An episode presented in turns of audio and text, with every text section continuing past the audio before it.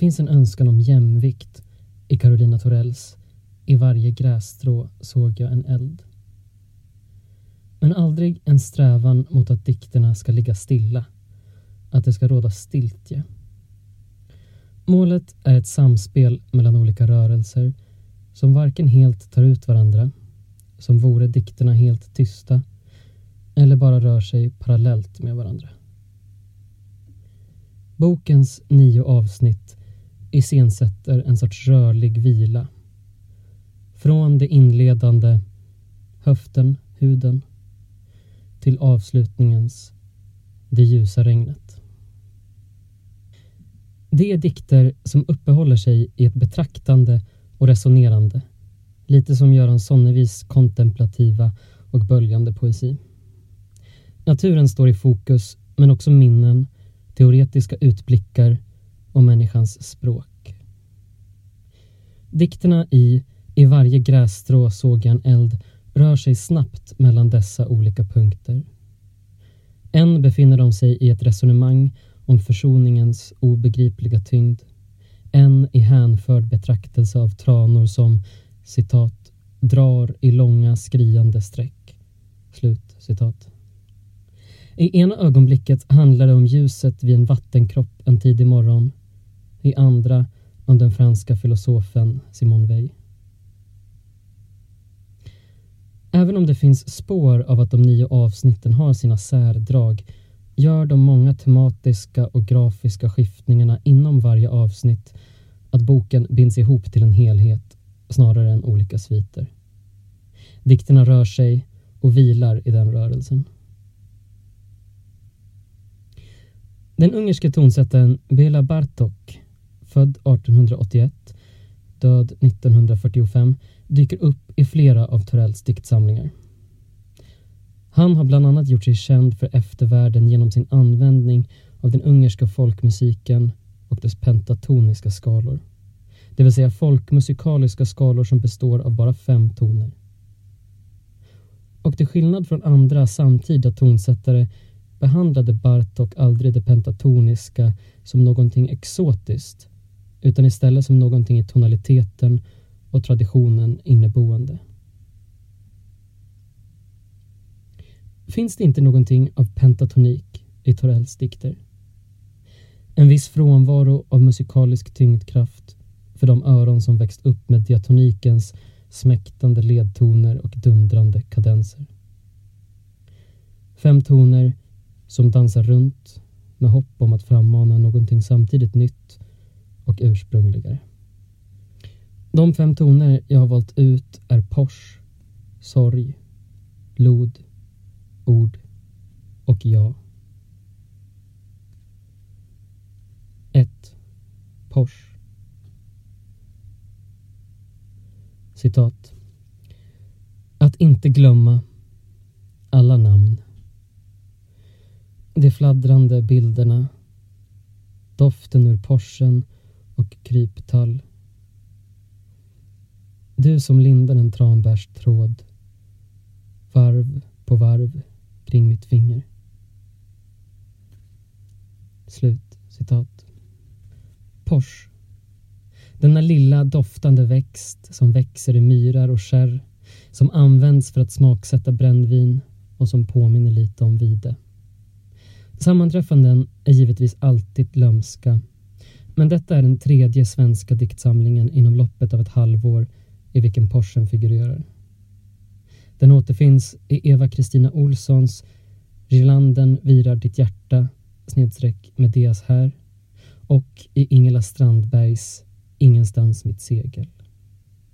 Och nu hos Torell. Varför används Porschen just idag? Jag tror att den är en del i ett försök att skriva om det svenska kulturlandskapet utan att för den skulle låta poesin urarta till naturromantik. Kanske gör jag här verkligen en höna av en fjäder. Porschen är ju varken udda eller uppseendeväckande och ordet i sig är vackert, vilket torde räcka som anledning för vilken poet som helst. Men denna symboliska användning av Porschen en vacklande kulturväxt nyttjad av människan men vildväxande i jordbrukets utkanter ser för mig ut som ett försök att hitta nya sätt att förhålla sig poetiskt till traditionen och naturen. Men vad innebär det att skriva om landskapet på ett annat sätt som inte cementerar bandet mellan nation och landskap? Svaret, åtminstone hos Torell, tror jag finns i önskan om samma slags immanens som jag nämnde inledningsvis i förhållande till Bartok. Precis som den ungerska folkmusiken utgjorde en redan given mylla för att utveckla nya användningar av en redan existerande pentatonik så läser jag in en önskan hos Torell om en utveckling längs med linjer som redan finns där. En utveckling som vill ställa sig vid sidan om de binära uppdelningar som väglett så mycket av modernitetens tänkande mellan dikt och natur, mellan det nya och det gamla.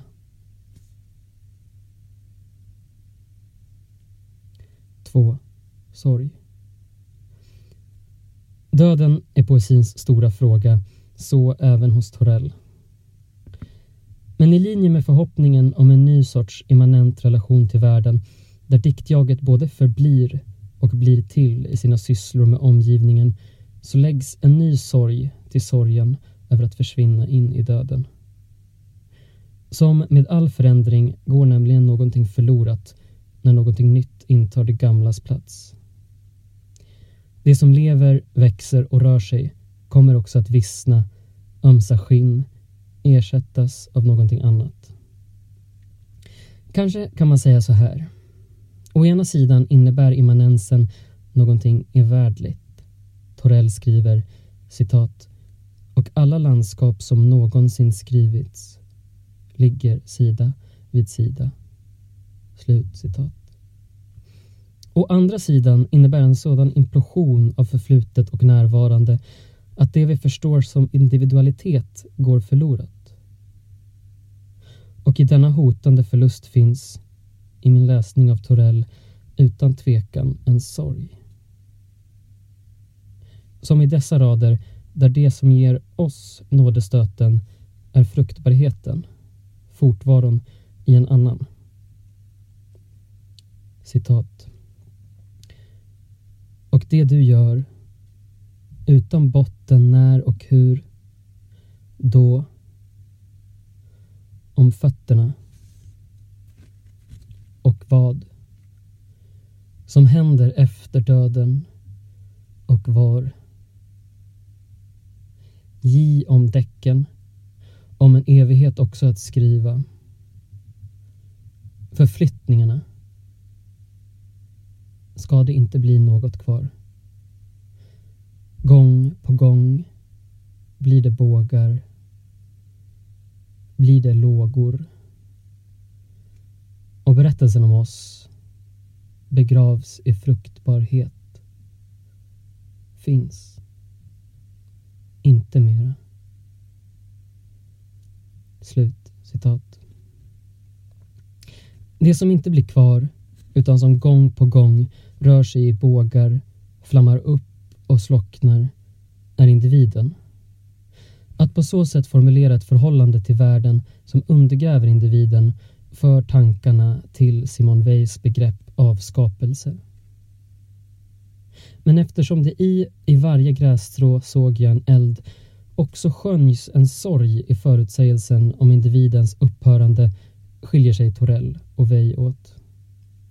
Hos den förra finns ett hopp om att kunna stanna kvar i världen. En vacklan skulle man kunna säga eller en spänd rörelse mellan olika punkter som både bygger upp och river ner, skapar och avskapar individualiteten. Hos den senare, Vej, är däremot avskapelsen så förbunden med det transcendentala och gudomliga där individualiteten är sekundär att sorg inte har någon plats. 3. Lod Frågan som uppstår ifall man läser Torells dikter som oscillerande, som att de varken ger upp om eller klamrar sig fast vid individualiteten, varken överger eller underkuvar naturen, är om det finns någon underliggande riktning i vacklandet eller om dikterna bara står och stampar. Det är inte helt tydligt. Kanske ska det inte finnas någon riktning eller mål.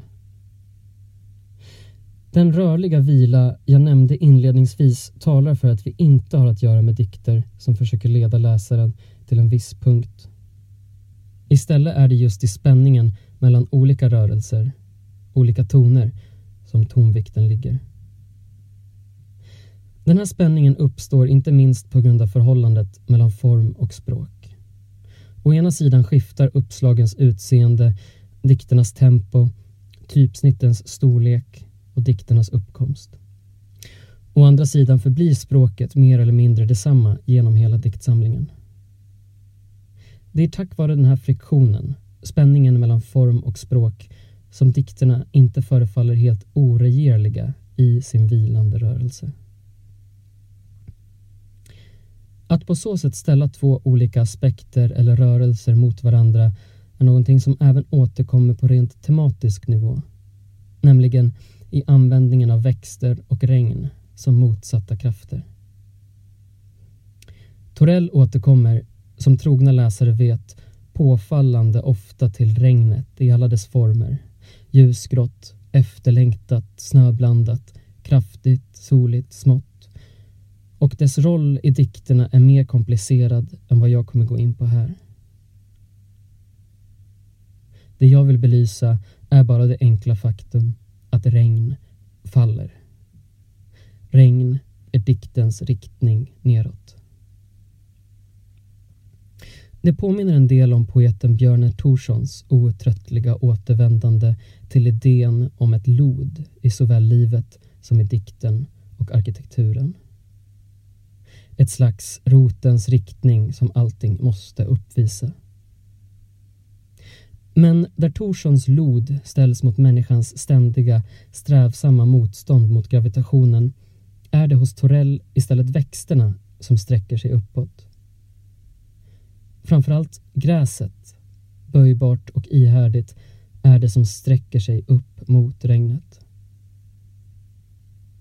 En sorts rörlig vila uppstår där. Citat. Regnet. Gräset två rörelser som möts. Slut citat.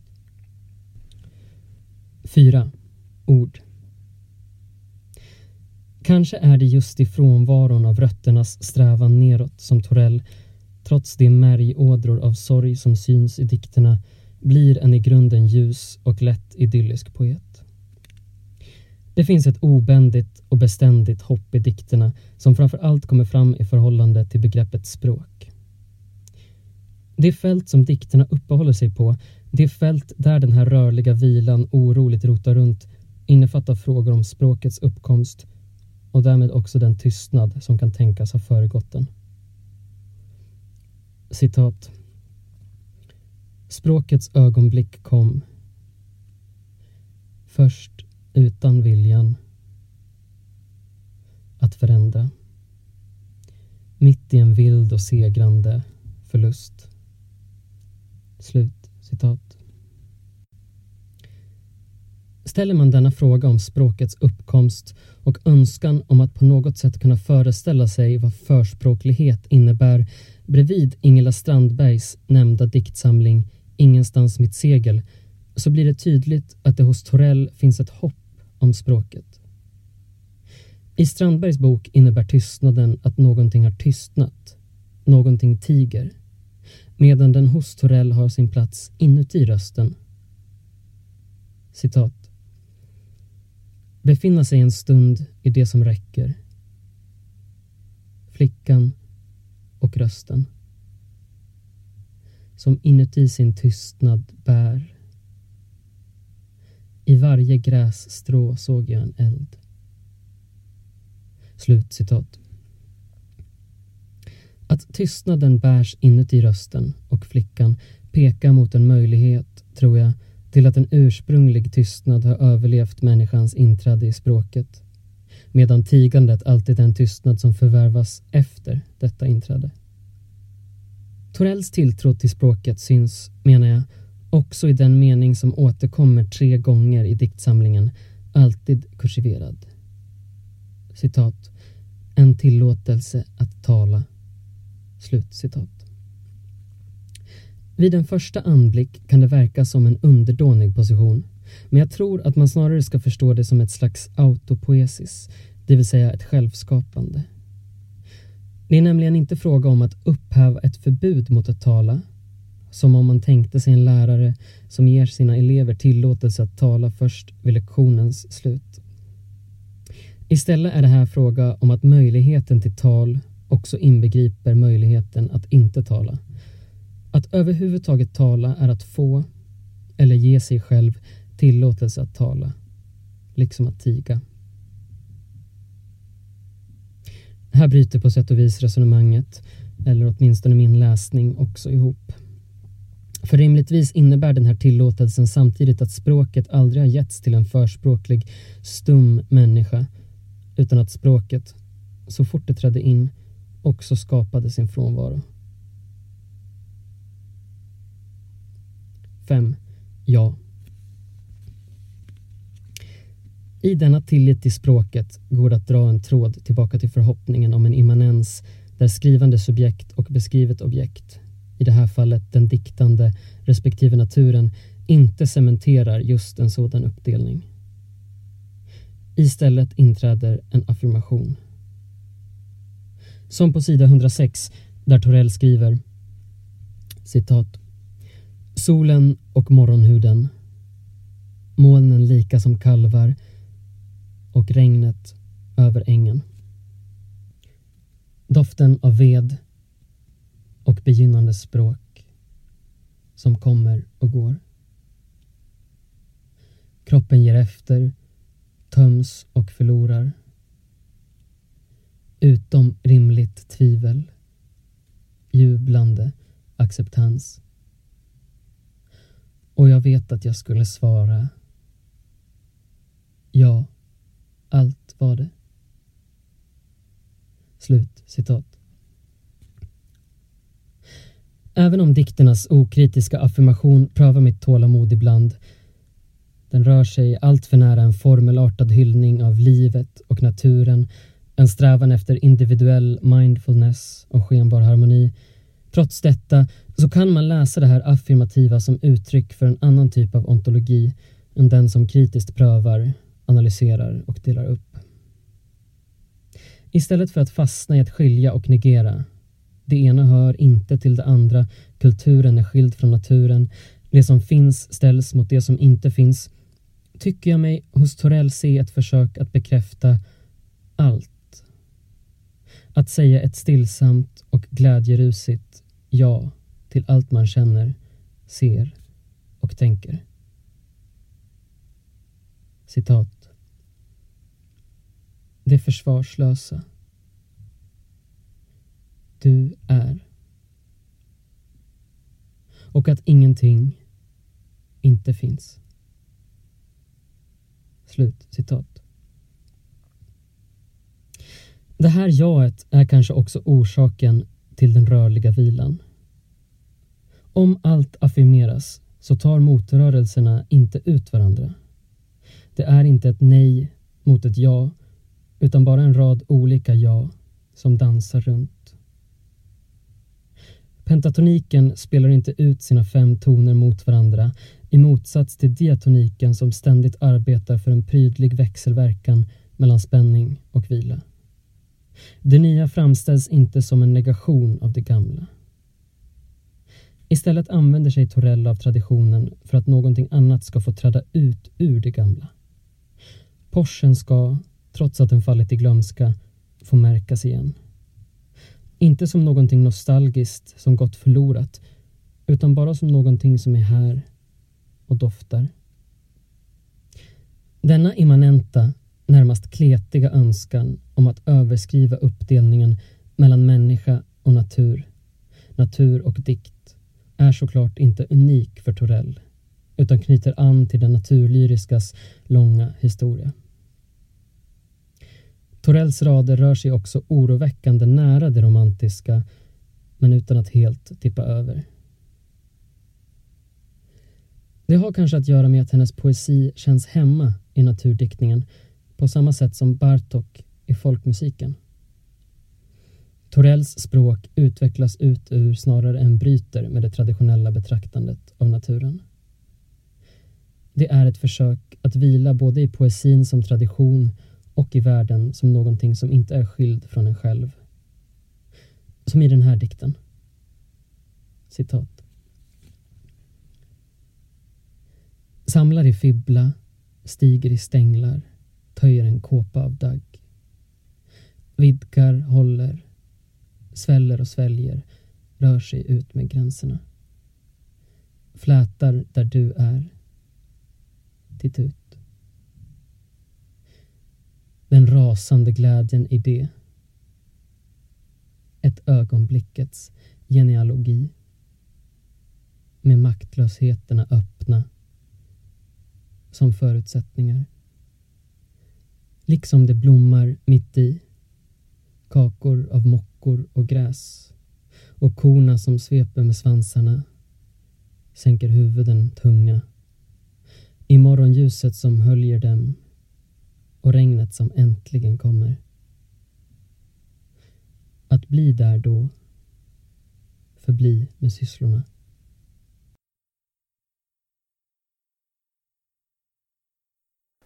Den här recensionen är originalpublicerad på www.ornenochkrakan.se under ansvarigt utgivarskap.